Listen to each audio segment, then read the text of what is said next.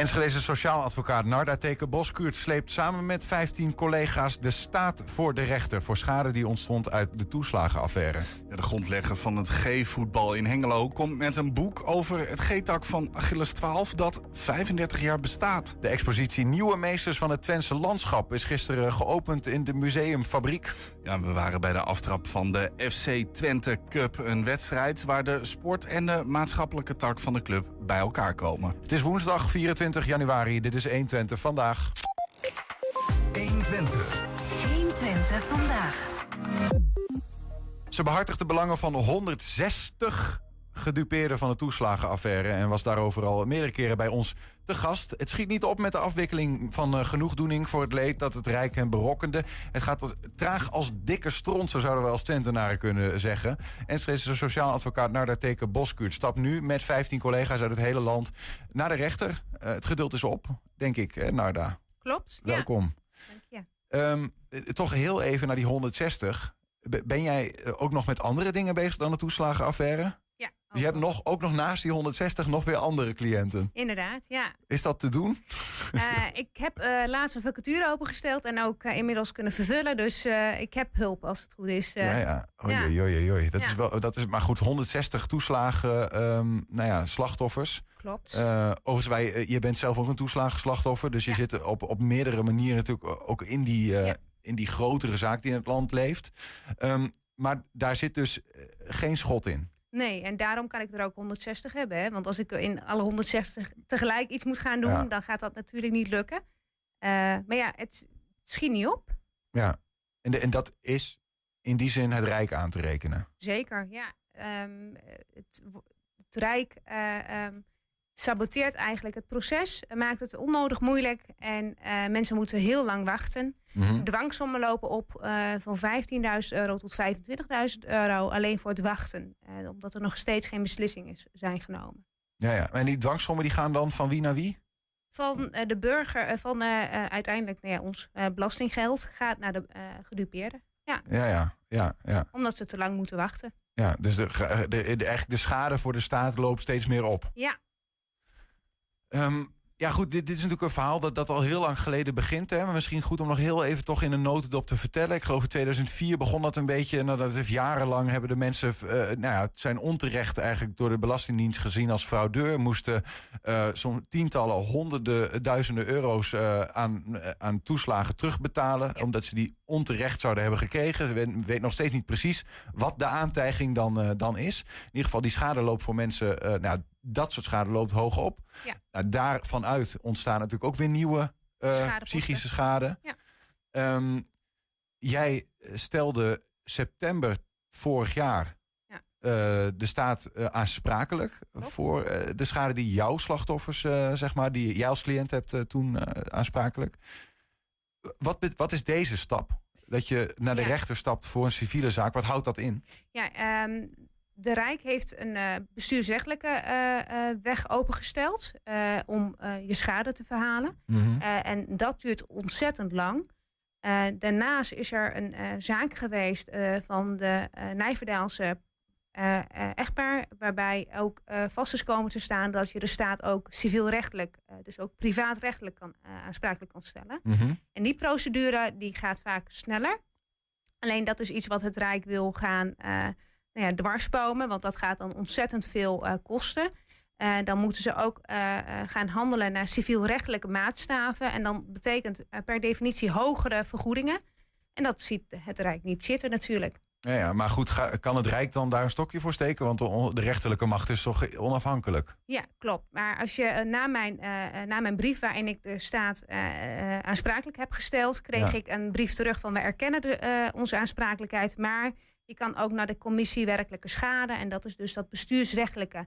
Ja, Eh, ze proberen je eigenlijk als Ja. advocaat af te leiden van de civiele procedure. Ja, klopt. En eh, de advocaten die de gedupeerden bijstaan zijn vaak bestuursrechtadvocaten Mhm. eh, en geen civilisten. Mhm. Dus die denken, ja oké, dan doe ik de veilige route, de commissie werkelijke schade. ja. Maar helaas doet het naam nou ja, niet eer. Het is niet de eh, werkelijke schade die je krijgt, maar zijn eh, eh, onmogelijke kaders vastgesteld, waardoor je alleen maar nou ja, een heel klein stukje van je schade.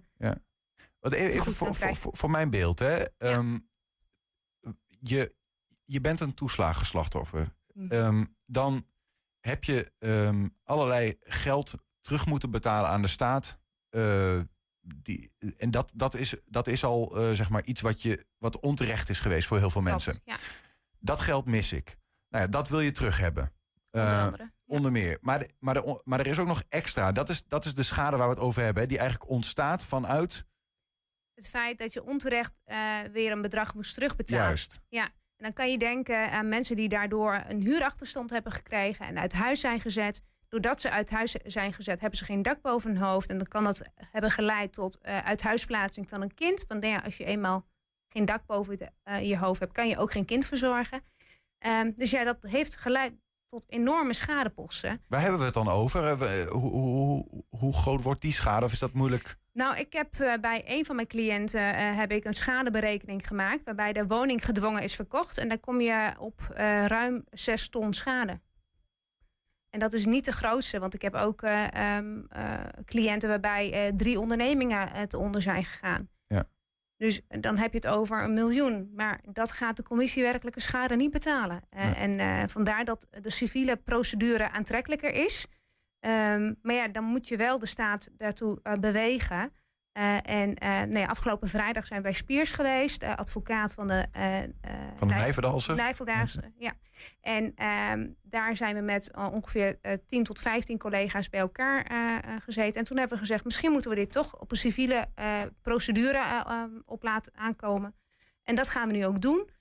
We gaan kijken welke zaak het sterkste is in onze kast, in ons dossierkast. En daarmee gaan wij een strategie met elkaar bedenken hoe we dit moeten aanvliegen. Dus het is wel iets van een lange adem. Het is niet zo dat ik dan morgen meteen naar de rechtbank stap. Eh, het is eh, wel zo dat we met elkaar een strategie aan het bedenken zijn van hoe moeten we dit aanpakken? Hoe kan dat snel, eh, juridisch veilig eh, en ook eh, rechtvaardig voor onze cliënten uitpakken? Je- Jij bent zelf een Enschedeer. Ja. Eh, werkt ook hier in, in Enschede. Maar je hebt die collega's die komen uit het hele land. Hè? Klopt, ja. Dus het zijn 15 en die nemen allemaal één zaak mee. Die Ja. nou ja, een bijzonderheid of een sterke, in ieder geval een sterke zaak heeft. Ja. En daarmee ga je niet al die 15 sterke zaken samen in één zaak bij een rechter brengen. Maar je gaat heel bewust 15 verschillende zaken bij 15 verschillende civiele rechters verspreid over het land brengen. hè? Ja. Klopt. Waarom? Het is de bedoeling dat wij jurisprudentie doen ontstaan. Ehm, en daarbij eh, is het noodzakelijk dus dat er meerdere rechtbanken zich daarover buigen. En geen zaak is hetzelfde. Eh, daarnaast kan het ook zijn dat je verschillende civielrechtelijke procedures zou moeten gaan starten. Eh, denk bijvoorbeeld aan een deelgeschil of een eh, dagvaringsprocedure. Dus er zijn verschillende procedures. En niet elke zaak leent zich eh, tot één bepaald nou ja, procedure. Dus je moet echt per zaak kijken, wat is hier nodig? Ja, ja. Betekent dat ook dat voor andere... Kijk, want dit zijn dan even 15 gedupeerden... wiens zaak aanhangig wordt gemaakt bij de rechter. Maar ik neem aan, want je hebt er nog... zeg maar, in jouw geval is het er één die jij hier in deze zaak meebrengt. Er zijn dus nog 159 die Ja. ook allemaal schade hebben geleden. Ja. Is het de bedoeling dat alle... Nou, hoeveel zijn het er in Nederland? Tienduizenden slachtoffers van de toeslagenaffaire... straks kunnen, ja, grof gezegd, meeliften op deze zaken? Zo van, als wij Ja. hier winnen dan hebben we voor elk type zaak hebben we wel bij Ja. de rechter eh, nou ja, Dat is, wel, jurisprudentie. dat is wel de bedoeling. Eh, dat, daarom zeg ik ook, het is de bedoeling om jurisprudentie te doen ontstaan. Zodat eh, elk gedupeerde een haakje zou kunnen vinden. Van oké, dit is dan de pad die ik moet gaan bewandelen om mijn schade gedekt te krijgen. Ja, ja. Ik begreep ook dat bij de Nijverdalse zaak bijvoorbeeld, dat eh, wat je zegt, het- ministerie eh, kwam veel sneller met, ehm, eh, met dossiers. Over de, want die moeten dan gaan verdedigen natuurlijk. Ik heb begrepen afgelopen vrijdag dat bij een zaak, en ik weet niet precies of dat de Nijverdaalse zaak Hmm. was, bij een zaak die, eh, eh, ehm, die eh, civielrechtelijk werd behandeld, Mhm. eh, het landsadvocaat binnen elf dagen met een compleet persoonlijk dossier over de boeg is gekomen. Ehm, dat is vrij bijzonder, want ik ben vanaf 2021, begin 2021, bezig om die dossiers op te vragen. En eh, ik heb er tot nu toe maar eentje gekregen en die is grotendeels zwart gelakt. Dus in die zin eh, vond ik het eh, opmerkelijk dat er toch eh, op een of andere manier wel een persoonlijk dossier binnen elf dagen te leveren is. Want, want de reden die jij daarvoor krijgt, dat ze dus niet. eh, dat je Te ze druk. niet te druk. te druk en we moeten het eh, zwart lakken. En u krijgt het wel, maar het kan 2025, 2026 worden. Dus ze zeggen niet dat ik het niet krijg, Ja. maar ze hebben het te druk. En het kan dus een aantal jaren in beslag nemen om een dossier zwart te lakken. Maar niet als het een civielrechtelijke zaak is. Blijkbaar niet, nee. Ja, Wat zit er dan? Wat kan, ja, is dat speculeren of wat zit er dan mogelijk achter? Waarom, waarom gaan die civiele zaken sneller? Geen idee. Ik denk dat die vraag aan eh, de staatssecretaris gesteld moet worden. Ja. Het is, het is op zijn minst opmerkelijk. Opmerkelijk, ja. Nou ja, goed, maar wat, wat ik daar nog steeds wel. wij, eh, toen wij eerder spook, eh, spraken, toen vertelde je het ook al. ehm, dat dus eigenlijk de dossiers waar je het nu over hebt. Daarin zou dan staan waar jouw cliënten überhaupt van beticht worden. Ja. En eh, zolang je dat niet weet, kun je eigenlijk ook niet een zaak maken, omdat je niet weet waar je eigenlijk tegen ingaat. Ja, ja, inderdaad. Want eh, soms wordt er gezegd van ja, eh, er is hier sprake van etnisch profileren. Hè? Ik, ik, ben, eh, ehm, ik maak deel uit een bepaald groep. In mijn geval, ik ben van Turkse afkomst. Dus ik ben waarschijnlijk eruit gepikt omdat ik een Turkse achternaam heb. En bij een Turkse gastouderbureau zat. Nou, twee Turkse namen doen dus blijkbaar alarmbellen rinkelen. Maar dat is een vermoeden die ik heb. Mhm. Eh, en die door eh, het College voor het Rechten van de Mens ook wordt bevestigd. Maar is dat dan ook geldig in mijn specifieke geval? Dat weet ik niet, want ik krijg mijn dossier niet. Ja. En dat kan ik pas zien als ik mijn dossier, mijn persoonlijke dossier krijg. Ja. En ik geloof dat het eh, toen de tijd ook nog het verhaal was van als die dossiers niet op tijd komen, verlies je ook weer mogelijkheden voor rechtsgang. Ja, klopt. En is dat nog steeds aan de hand? Dat is nog steeds aan de hand. Ik heb eh, een bezwaarschriftprocedure eh, gevoerd waarbij eh, mijn cliënt in gelijk werd gesteld. Dus is gegrond verklaard en bereken, berekening klopte niet. Dus nou ja, hij krijgt nabetaald.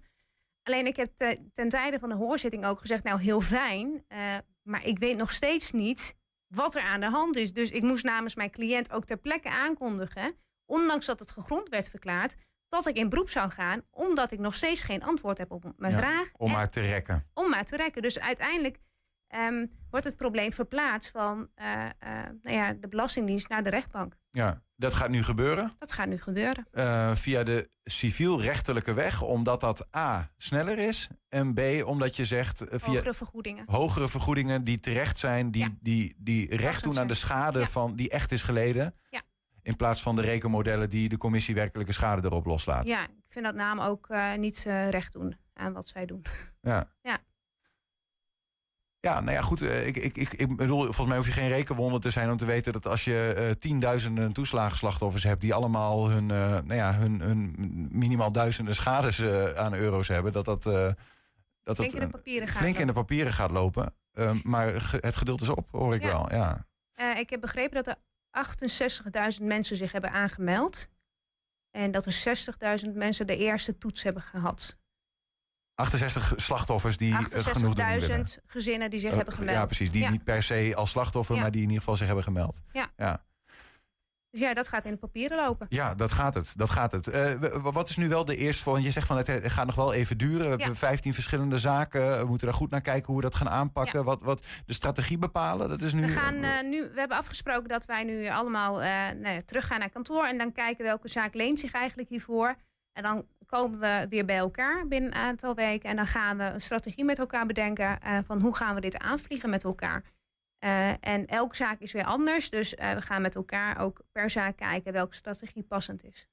En eh, b- ja, kun je iets zeggen over van wanneer gaat dan die eerste zaak bij een civiele rechter op de stoep? Of ga je dat allemaal tegelijk neerleggen? Ehm, dat kan ik op dit moment nog niet zeggen. Maar voordat je daar überhaupt bij de rechter stapt, moet je eerst de staat weer aanschrijven. En de staat moet daarop reageren. Kijk, op het moment dat de staat positief reageert, hoef je natuurlijk niet naar de rechtbank. Dan zou je een schikking kunnen treffen Dan kun je een schikking treffen. Ja. Maar ja, dat hangt dus eh, volledig af van de houding van de staat. Ja. Als de staat zegt, ja, oké, eh, we gaan mee. Of we laten de schade berekenen door een expert. Ja, dan wacht je daarop. Eh, en op het moment dat je er niet uitkomt of er eh, ontstaan meningsverschillen, dan pas ga je naar de rechter. Ja. Dus dit is ook afhankelijk van de houding van de staat. ja, ja. Maar goed, is het is nu net vier- 2024. De- gaat er dit jaar nog een brief naar de staat komen van dit is de zeker. bedoeling? Ja, ik denk als er iets komt dat het rond de zomervakantie of kort daarna Ja. wel eh, naar de rechter gestapt kan worden. Afhankelijk van de houding. Succes eh, naar dat teken Boskoet. en nou ja, hopen op in ieder geval recht voor, voor alle slachtoffers. Daar vechten we voor. Dankjewel. Ja, we zijn ook als podcast te beluisteren via alle bekende platforms. Je vindt daar de hele uitzendingen en elke dag één item uitgelicht. En zometeen de grondlegger van het G-voetbal in Hengelo. Die komt met een uh, boek over de G-tak van Achilles 12... die al 35 jaar bestaat volgend jaar. 120. 120 vandaag. Ja, 226 inzendingen zijn er gestuurd na een oproep in de krant Tubantia. De vraag: teken, schilder, aquarel of fotografeer je favoriete plek in Twente. 40 werden er uitgekozen en worden nu geëxposeerd in de nieuwe tentoonstelling Nieuwe Meesters van het Twentse landschap. Wat ontzettend bijzonder dat jullie met zoveel naar de opening van de Nieuwe Meesters van het Twentse landschap zijn gekomen. En bij deze verklaar ik de tentoonstelling voor geopend. Nog een schilderij, dat lacht me toe, dat maakt me blij. Een visie op het Twentse landschap. Misschien omdat ik hierop woon, ervaar ik dikwijls heel synchroon. Een onmiskenbaar. Opening van de nieuwe meesters van het Twentse landschap. En uw kunstwerk hangt hier. Ja, dat klopt. Ik ben er heel blij mee. Ik ben een beetje trots. ja, had ik even niet bedacht. Had ik ook even niet zien aankomen. Trots? Ja, eigenlijk wel. Toen had Herman uh, Havenkaarten van Tubantia bel. Toen had ik al eens gezegd, ik denk, nou, nou dit, weet, dit weet ik allemaal even niet. Maar ja, nou, ach, kan je ook weer aan wennen, toch? Als krant hebben wij wel een bepaalde traditie om dit soort uh, uh, acties te organiseren... waarbij je eigenlijk samenwerking zoekt met een externe partner. In dit geval het Rijksmuseum Twente, waarbij je eigenlijk allebei een bepaalde meerwaarde hebt.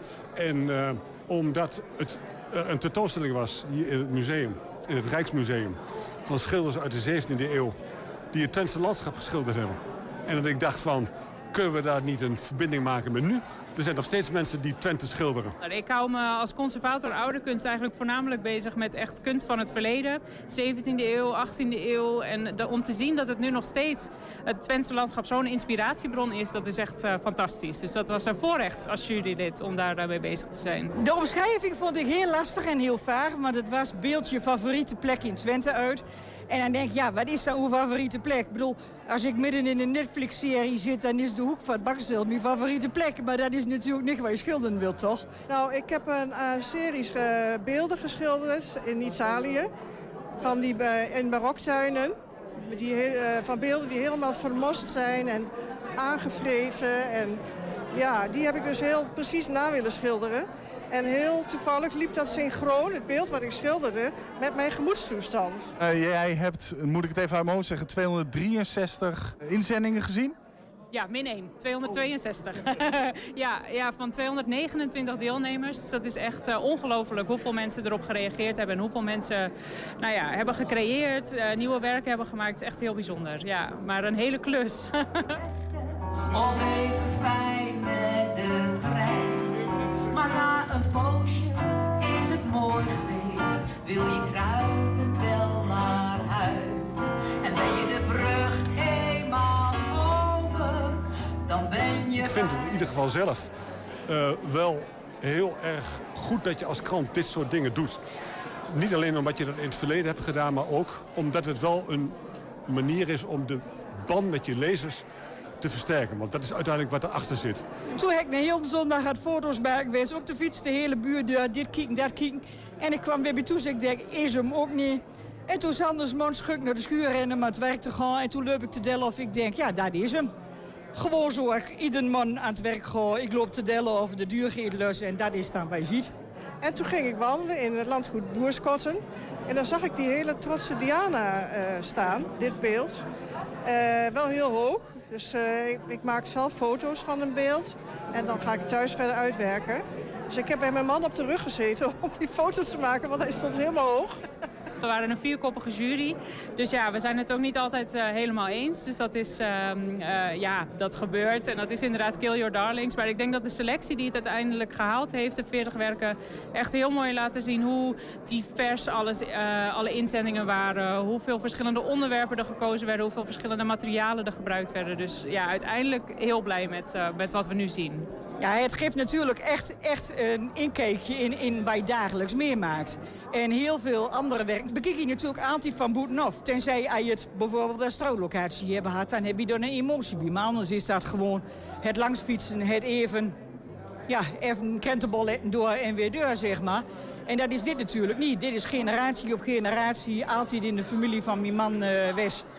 Nou, en dat vind je dan op een bepaalde manier in beleving uh, terug. Dit schilderen doe ik er zijdelings bij. En uh, ja, zoals het nu hier hangt, heeft me wel, nodigt mij wel uit om weer eens een nieuwe te maken. Dus ik ga weer op zoek naar het volgende beeld. Je hoopt inderdaad dat het iets verbindends is. En ja, net onze hoofdredacteur werd in zijn toespraak een, een, een citaat aangehaald... over een, over een mail die hij heeft gekregen over iemand die aangeeft... dat juist in deze tijd, waarin er toch zoveel aan de hand is in de wereld... Initiatief als dit ja, toch een bepaalde waarde heeft. Nou ja, dat denk ik is misschien wel wat hoogdravend. Misschien wel te hoogdravend. Maar ergens is het wel een beetje zo dat dit soort uh, zo'n simpel initiatief als dit... Uh, ja, kan heel verbindend werken in de samenleving die het misschien ook wel nodig heeft. Het is heel bijzonder om te zien hoe enthousiast iedereen is uh, voor zo'n project. Waar we natuurlijk met hart en ziel aan werken. En dat dat dan zo gedragen wordt. En dat we met zoveel mensen kunnen samenwerken hierin. Dat, is echt, dat overtreft alles. Dat is echt fantastisch. Ja. Komt het zonnetje ochtends op. 120. 120 vandaag. Niemand heeft in Hengelo zoveel betekend voor het G-voetbal als Wim Brouwer. Je kunt geruststellen dat hij met de oprichting, nu 34 jaar geleden, van een G-tak bij Achilles 12 in Hengelo aan de wieg stond van het voetballen voor mensen met een verstandelijke, lichamelijke of sociaal-emotionele beperking. Volgend jaar, als die G-tak bij Achilles 12 35 jaar bestaat, moet er een boek liggen. Wim, goedemiddag. Ja, dat klopt, dank. De, en dat boek ga jij uh, samenstellen, ik begrepen. Ik ben ermee bezig. Ja. Mag ik toetoyeren trouwens? Ja, ja, ja. Oh, heel goed. Je bent ermee bezig al? Ja. Ja. En, en dat voor het gestaag, dat is allemaal knipsels bij elkaar plakken en dingen? Ja, ik heb al een beetje, de, beetje spul meegenomen. Kijk, allemaal van die... Oh, dit is een soort... Uh, manuscript wat je hier op tafel ja, hebt liggen. Ja, ja, en dat wordt dan uh, netjes gemaakt tot een, echt, tot een echt boekwerk. Ja, ja, ja. En foto's, ja, ik doe niks anders dan uh, scannen, lezen, lachen, huilen. Want je komt gewoon alles tegen binnen het, toch binnen het gevoetbal. Het is toch wel een hele aparte groep ja, ja. om mee te werken. Dat geloof ik wel. Maar wel heel leuk. Ja, allemaal ik, ik, ik, kijk er even doorheen. Hier, dit is nog van 25 jaar bestaan, in 1990, 2015. Er zitten allemaal knipsels uh, van de krant ja, in. dat en... deels nog. Een aantal jaren daar ben ik nog steeds mee bezig van. En ik pak eigenlijk zo gemiddeld uh, een paar uurtjes per dag. Ja. Om eens weer wat te scannen en weer wat te lezen en weer wat uitzoeken. En dan gaat het even om, om dat je eigenlijk die 35 jaar aan G-voetbal in beeld wil brengen. Van hoe Ja. heeft zich dat nou ontwikkeld? En, Ja, ik, eh, ga uit, ik ga uit van eh 25 jaar. 25. 2015.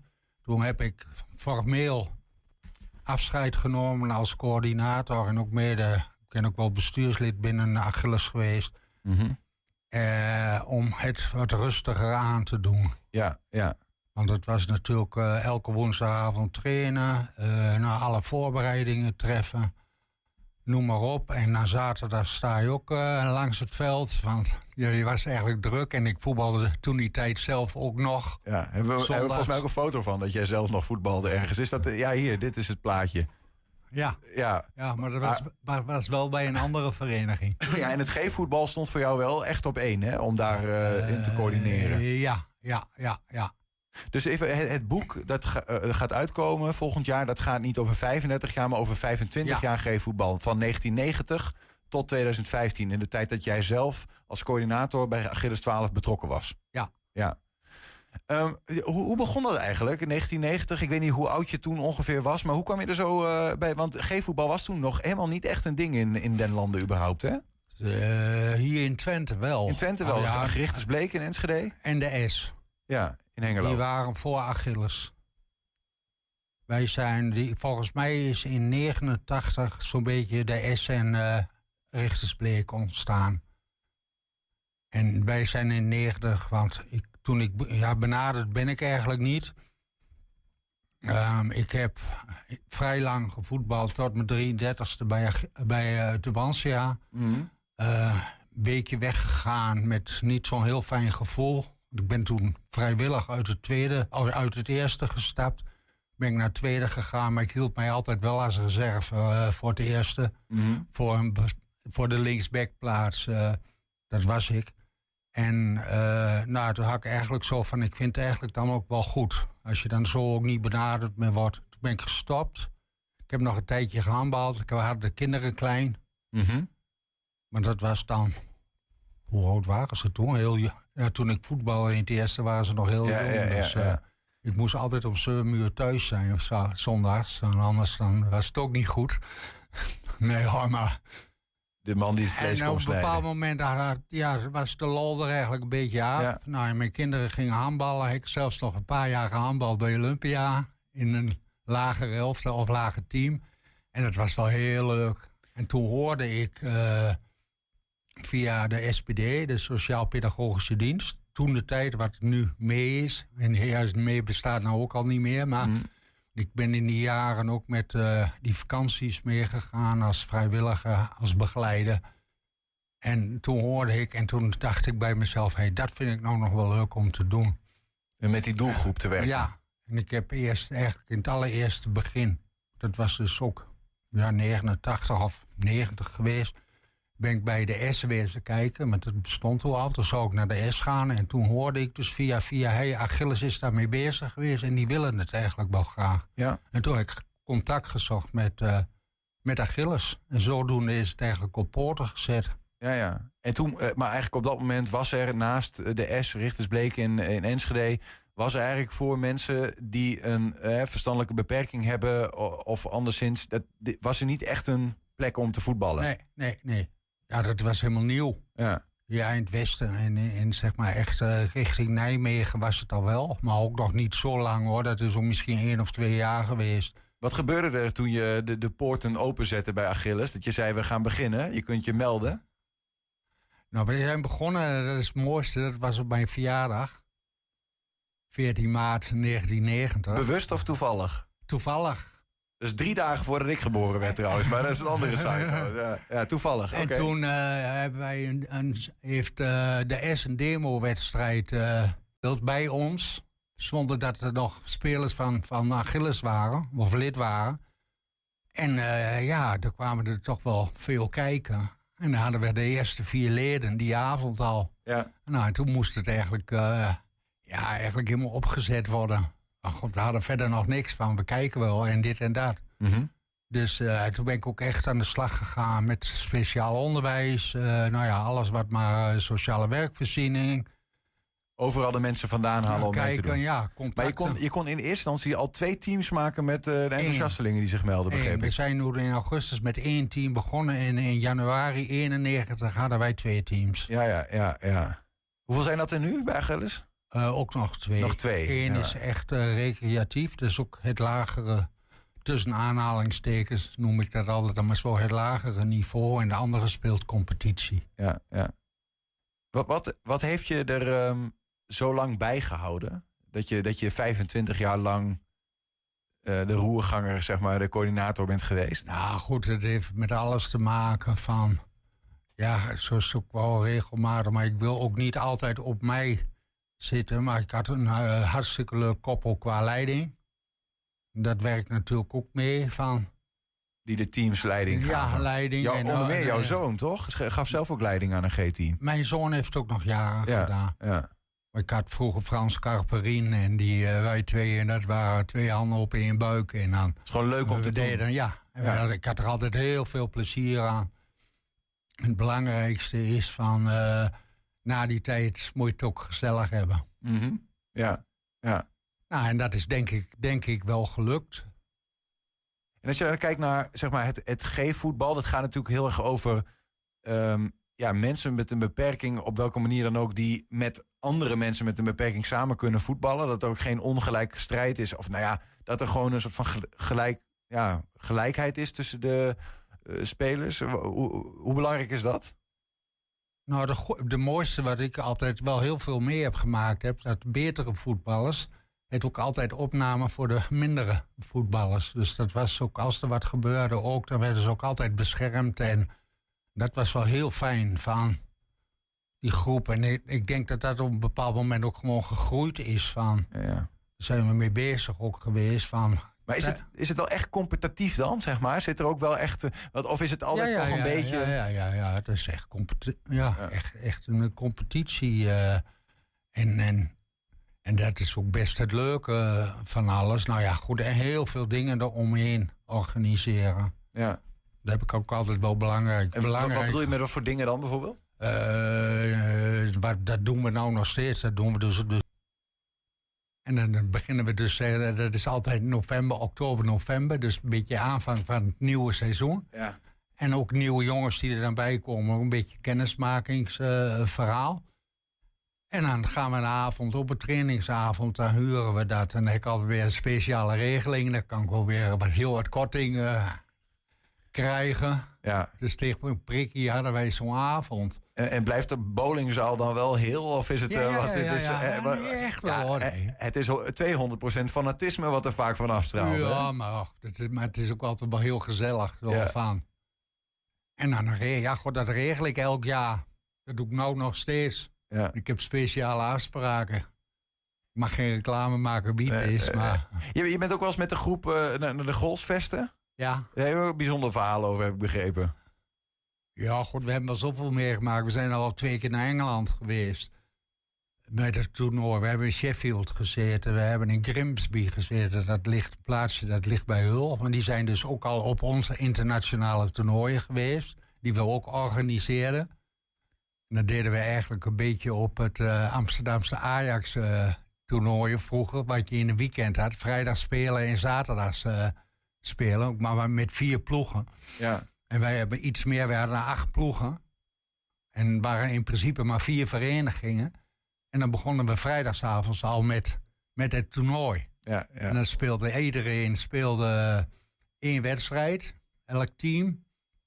En dat werd dan zaterdags eh, werd eigenlijk het toernooi afgemaakt. En dat werd dan werd met, met een buffet afgesloten. Ik hoor, als je het zo hoorde, kun je beter bij een G-team voetballen dan bij een, eh, een, heren 1 of wat dan ook. En dan kom je nog eens ergens. Ja, maar wij hebben een leuk systeem eh, in het leven geroepen. En dat doen ze dus nog steeds.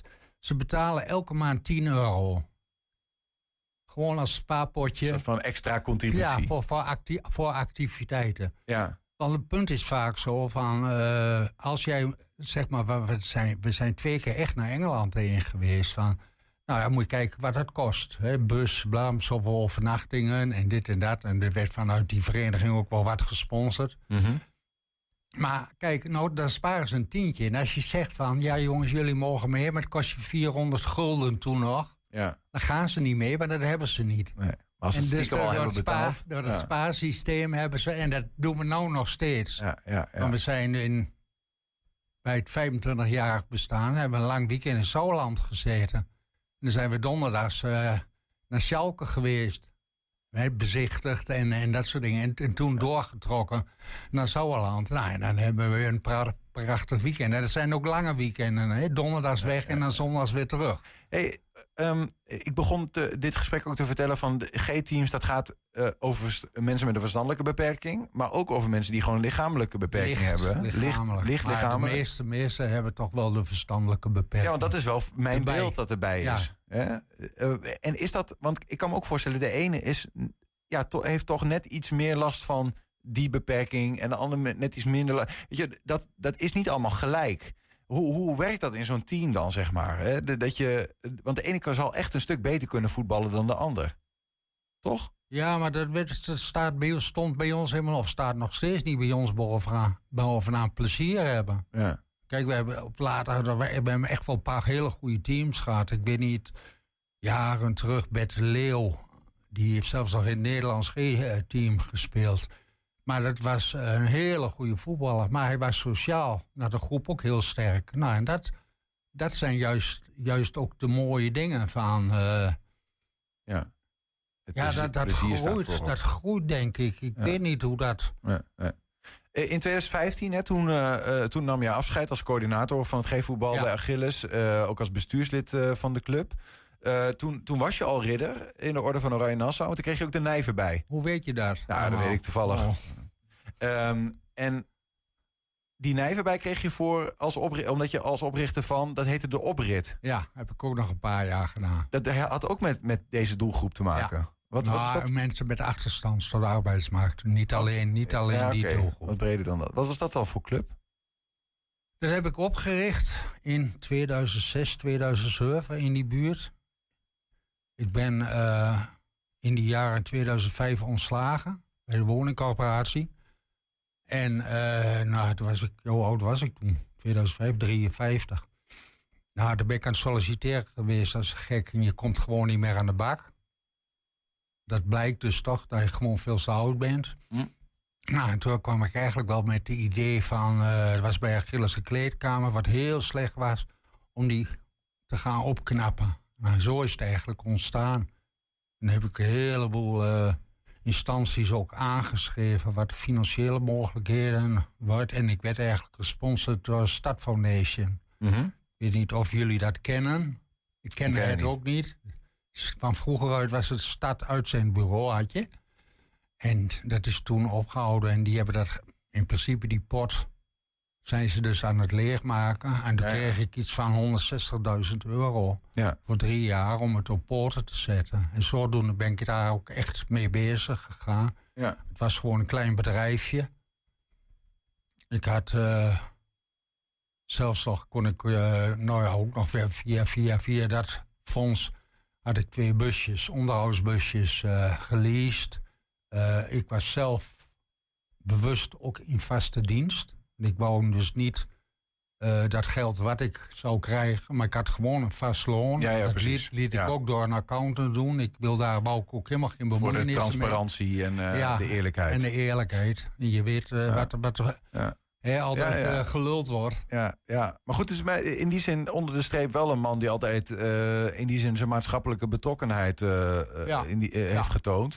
Hoe, hoe, hoe- want hoe groot is jouw aandeel geweest? Eh, Kijk, en je zegt al, ik wil het niet per se over mij hebben, maar toch Wim Brouwer en het G-voetbal, zeker bij Achilles 12 en misschien wel breder in de regio, is wel, nou ja, is wel iets wat bij elkaar hoort. Eh, Bij de KNVB staat het inmiddels op de agenda. Je noemde al, er is een oranje G-team, zeg maar. Ja. Een Nederlandse, eh, Nederlandse elftal, laat ik zo zeggen. Ja. Ehm, eh, ja, hoe, hoe kijk je daarna, zeg maar? Dat je, en wat voor een rol, heb je daar een bepaalde rol in gespeeld? Of is dat moeilijk te zeggen bij jezelf? Nee, heb ik geen rol in gespeeld. Ook niet in het, ja, in het aanvuren van zo'n vlammetje hier in, eh, in de regio? Nou, er werd een vraag gesteld, wat zijn de spelers? Ja. Dan heb ik de twee eh, aangewezen. Dat waren ook de twee betere voetballers. En was Bert de Leeuw was daar één van. En eh, die hebben dus een, ja, een beetje een testtraining gehad. En ik ze ook mee naartoe gesleept. Gewoon, want dat doe je dan ook. Dan stap je in een auto en je rijdt er naartoe. Die dag. En hij is Bert dan als eh, geselecteerde uitgekomen. En die heeft zich later ook nog heel druk gemaakt met, eh, met het, eh, ja, het G-elftal, het Nederlands G-elftal. Ik weet allemaal niet wat hij had. Ja. Mooi dat het nu gewoon ook bij de KNVB, dat het gewoon breed ingeburgerd is, het G-voetbal. Is weer heel wat breder. Ja.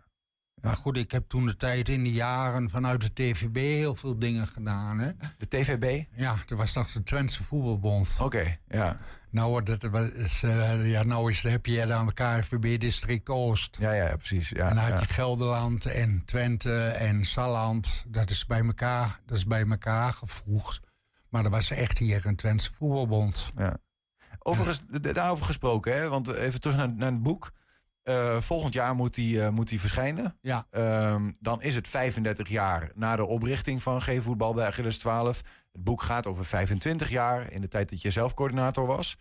Eh, gaat het voornamelijk over Achilles of gaat het ook nog breder over Hengelo, Twente misschien wel? Nou, het is hoofdzakelijk de informatie die ik dus van, eh, ook via de krant en via het clubblad van Achilles, hoofdzakelijk wel. Ja, ja, ja. Maar als er mensen zijn in den landen of mensen in de regio die dit horen, kijken, zien, weet ik veel wat allemaal. En die zeggen, nou, ik heb ook nog wel mooie krantenknipsel of ik heb nog wel mooie uit die tijd. Is dat dan eh, aan te dragen of zeg je van, nou, ik heb mijn spulletjes heb ik wel bij elkaar, daar maak ik nu wat van? Ja, een groot, grootste gedeelte wel. Ja, ja. Ik ga nog wel bezig om, om wat uit te zoeken. Ik wil nog met eh, Jan van Staar bezig. Maar die heeft die open dagen, of die dagen van uh, het geefvoetbal, wat ze nog, die adoptiedagen, hm. staat ook een heel stuk van in. En, uh, wat, die wat zijn dat voor, wat, voor, wat voor dagen zijn dat, die Jan van Dat is één dag. Er wordt één van de teams, van de G-teams, dat doen ze dus nou ook weer, zijn ze nu weer mee begonnen, heeft een paar jaar echt plat gelegen. Dan wordt een team geadopteerd door Twente. Door FC Twente. Ja, dan, ja, hè? ja, ja. Dan gaan ze, uh, komen ze aan, worden ze gebracht zeg maar, naar de golfsvesten. Daar krijgen ze uh, een etentje, een rondleiding. Uh, ze krijgen de kleding, ze gaan, worden omgekleed in Enschede. Dus ook in de, echt in de kleedkamer van het eerste. Mhm. En dan hebben ze de kleding aan. En, en dan gaan ze met de spelersbus gaan ze dan naar de vereniging. En dan spelen ze dus tegen een G-elftal. Ja, ja. En dan zijn ze even het FC Twente Het G-elftal. FC Twente. Ja. En dat is, dat is gewoon prachtig. Daar, staat ook een heel stuk, stuk van. En ja, goed, er zijn zoveel dingen waar... Ik snap nog niet dat ik het heb kunnen doen allemaal. Ja. Ik nog werkte. Ja, ja, nee, dat snap ik wel. Ik kan me voorstellen, Wim... ehm, eh, iedereen weet hoe het is om een G-voetbal te zien voetballen... en het fanatisme dat er van afstraalt en het plezier dat er van afstraalt. Als dat ingrediënten zijn voor het boek dat volgend jaar gaat uitkomen... dan moet dat één eh, grote bak energie worden... wat je dan op je afgevuurd krijgt. Ja, ja, dat denk ik wel. En er zijn nog twee jongens die er vanaf het begin bij zijn. En, hoe bedoel je? Die lid zijn, die nog steeds Die zijn nog steeds bij Achilles Ja. voetballen. Zijn er twee. Ja. Wie zijn dat? Zijn die namen te noemen? Eh, jawel, dat is Patrick Abink en eh, Rob Beurzenkamp. Kijk, fanatieke G-voetballers. Ehm, ja, maar die vinden het ook gewoon leuk. Maar het is, Ja. het is natuurlijk voor hun ook een stukje ontspanning. Ja. Zo moet het ook zijn. Kijk, hier staat een stukje ook wel in van... eh, Ja, hou me even omhoog, dan zien we ze nog heel even gewoon eh, in, in, in beeld. Ja, ongeveer. Zo, heel iets, heel iets zo. Ja. die? Ja, Zo van- ja, zo is het goed. Dit zijn de heren die er het langst bij zitten dan. Ja. Ehm, we gaan het zien volgend jaar. Gaat het, eh, gaat het boek verschijnen. Wim, eh dankjewel voor, voor je komst. Eh, hoe gaat het boek ti- getiteld zijn? Weet ik nog niet. Oh, dan moeten we nog, als je goed idee hebt, laat het even weten. dus, Precies. Ik heb het al bij een drukker liggen, dus Ja. die, die gaan er al naar kijken wat we het beste kunnen doen. Dus ook weer sponsoring en dat soort dingen. Weet je al wie het eerste exemplaar gaat geven? Dat, nee, ik denk dat het toch naar de vereniging gaat. En dus naar het bestuur. We gaan het... eh, Of we gaan, ik geef er een aan mezelf. ja, dat kan ook. we, gaan, we gaan het zien. Ehm, Wim Brouwer, dankjewel. En eh, succes met het eh Graag gedaan. vervolmaken van dit Maar het manuscript. wordt leuk. Ja.Jes naar redactie apenstaartje 120.nl. 120. 120 vandaag. De zalen van de Grolsvesten stroomden gisteravond vol met 250 kleine voetballers en grote voetbalfans. Dat was de aftrap van de jaarlijkse FC Twente Cup, een voetbaltoernooi dat zo'n vijf maanden duurt. Deelnemers scoren punten door te voetballen en maatschappelijke activiteiten in hun eigen wijk te ondernemen. Zo kwalificeren ze hun team voor het grote eindtoernooi.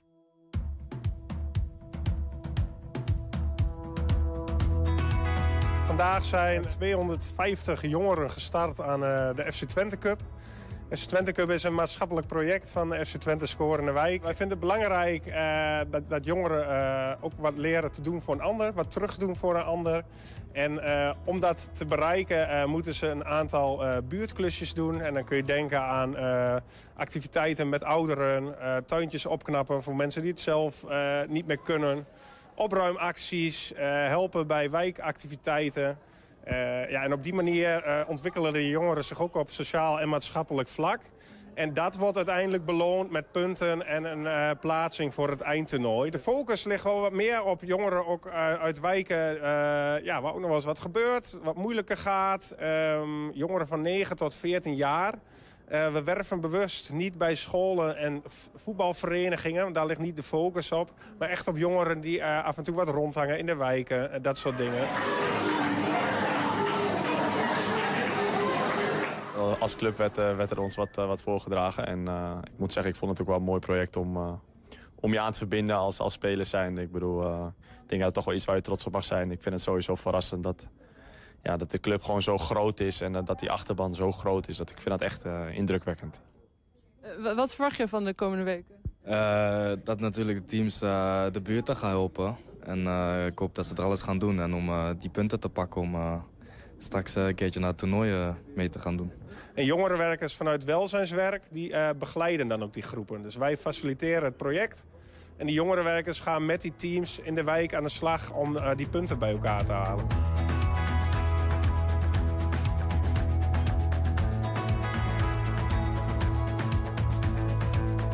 Hoe zijn jullie er zo bij gekomen? Dat hebben we met ons hele team zeg maar, overlegd wat we gaan doen. Bijvoorbeeld sjoelen met ouderen, zeg maar. Of uh, ja, cakejes bakken, zeg maar. Of uh, ja. Jullie hebben alle activiteiten al bedacht? Ja, ja, best wel veel. We wonen allemaal bij elkaar in het dorp, zeg maar. En uh, ja, dit zijn allemaal kinderen van UNO, zeg maar, in Barkelo. Okay. Wij wonen de meeste kinderen, zeg maar, in Haarlo. En daar kennen wij elkaar van, zeg maar. Ja, dat is een beetje inherent aan de maatschappij waarin we leven. Je moet wel iets doen om iets te bereiken. En als je die punten niet haalt, ja, dan, dat klinkt hard... maar dan heb je met je team uh, niet genoeg je best gedaan. En uh, dat zien we ook wel eens gebeuren, hoor. Soms ontstaat er onderling wat irritatie... of er is een motivatieprobleem. dat kan. En meestal zien we dat ongeveer twee derde van alle deelnemers het eindtoernooi halen. Dus daar mikken we weer op. Het doel uh, voor de jongeren is uh, zich echt, echt vormen op sociaal-maatschappelijk vlak. Uh, wij willen regionaal een fantastisch hoogstaand toernooi wegzetten, een project wegzetten. Nou, we hebben drie fantastische ambassadeurs. Dus voor de uitstraling van FC Twente naar de wijken toe is het natuurlijk hartstikke mooi. We brengen, brengen het voetbal naar de wijken toe. En uh, ja, wij hopen dat die jongeren uh, de band met de wijk... door middel van al die activiteiten een stukje verbeteren. Dus dat, uh, ja, dat zijn wel doelen waar we heel graag mee aan de slag gaan. Wat hopen jullie de, de kinderen mee te geven? vooral heel veel plezier en ehm, dat ze samen moeten werken. Wij zijn zelf als Twente ook heel hecht team. Dat is ook wat ons zo ver brengt. En dat is ook uh, wat je mee wil geven natuurlijk voor uh, dit project. Jij, aanvulling hierop? Wat, wat hoop je? Het fantastisch verteld. Nee, ik, uh, ik vind het hartstikke mooi. Ja, het is, die, die, die jongens mogen hun best gaan doen. En ja, ik denk plezier maken met z'n allen is ook belangrijk. Leuke dingen ondernemen, leuke dingen samen doen. En ik denk dat het weer iets is waar je, wat mensen met elkaar verbindt en ook kinderen met elkaar verbindt. Hebben jullie vroeger zelf ook zoiets gehad? Nou, dat is, dat is wel heel vroeg. moet je denken aan hem vragen, van hem niet zo lang geleden. Nou, ik heb wel een keertje een toernooitje gehad hier uh, bij Twente, dat wel. Maar niet echt uh, dat ik buurten moest gaan helpen of zoiets. En uh, is dit ook een start van jullie voetbalcarrière? nou, ik ben hier nog nooit geweest, maar ik zit net op voetbal, zeg maar. Dus ja, ik vind het wel een leuke sport, zeg maar. Ja. Jullie, willen jullie profvoetballer worden? Ja, misschien. Dus jullie gaan die 250 of 300 punten gaan jullie wel halen? Nou, dat weet ik nog niet zeker. nee, dat weten we nog niet, nee. Want uh, wie weet. Oh, die halen we makkelijker hoor, ja. Oh, ja, ja. Ik kan het niet zo goed inschatten.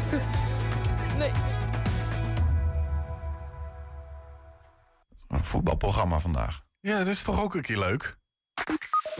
Daarmee sluiten we namelijk ook het programma af. Terugkijken, dat kan direct via 120.nl. Ik heb wel het idee dat wij regelmatig iets met voetbal doen eigenlijk. Ja, dat komt misschien omdat de ploeg ook derde staat. De alles goed loopt, alle kanalen van Twente goed lopen, de clubs.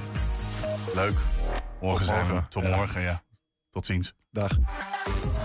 Thema beveiliging staat voor betrokkenheid, adequate optreden en betrouwbaarheid. Waar de concurrent stopt, gaat thema beveiliging net een stap verder. Thema Beveiliging levert alle vormen van beveiliging voor zowel de zakelijke als de particuliere markt. Thema Beveiliging, de beveiligingsorganisatie van het Oosten. Telefoon 053 4800 560.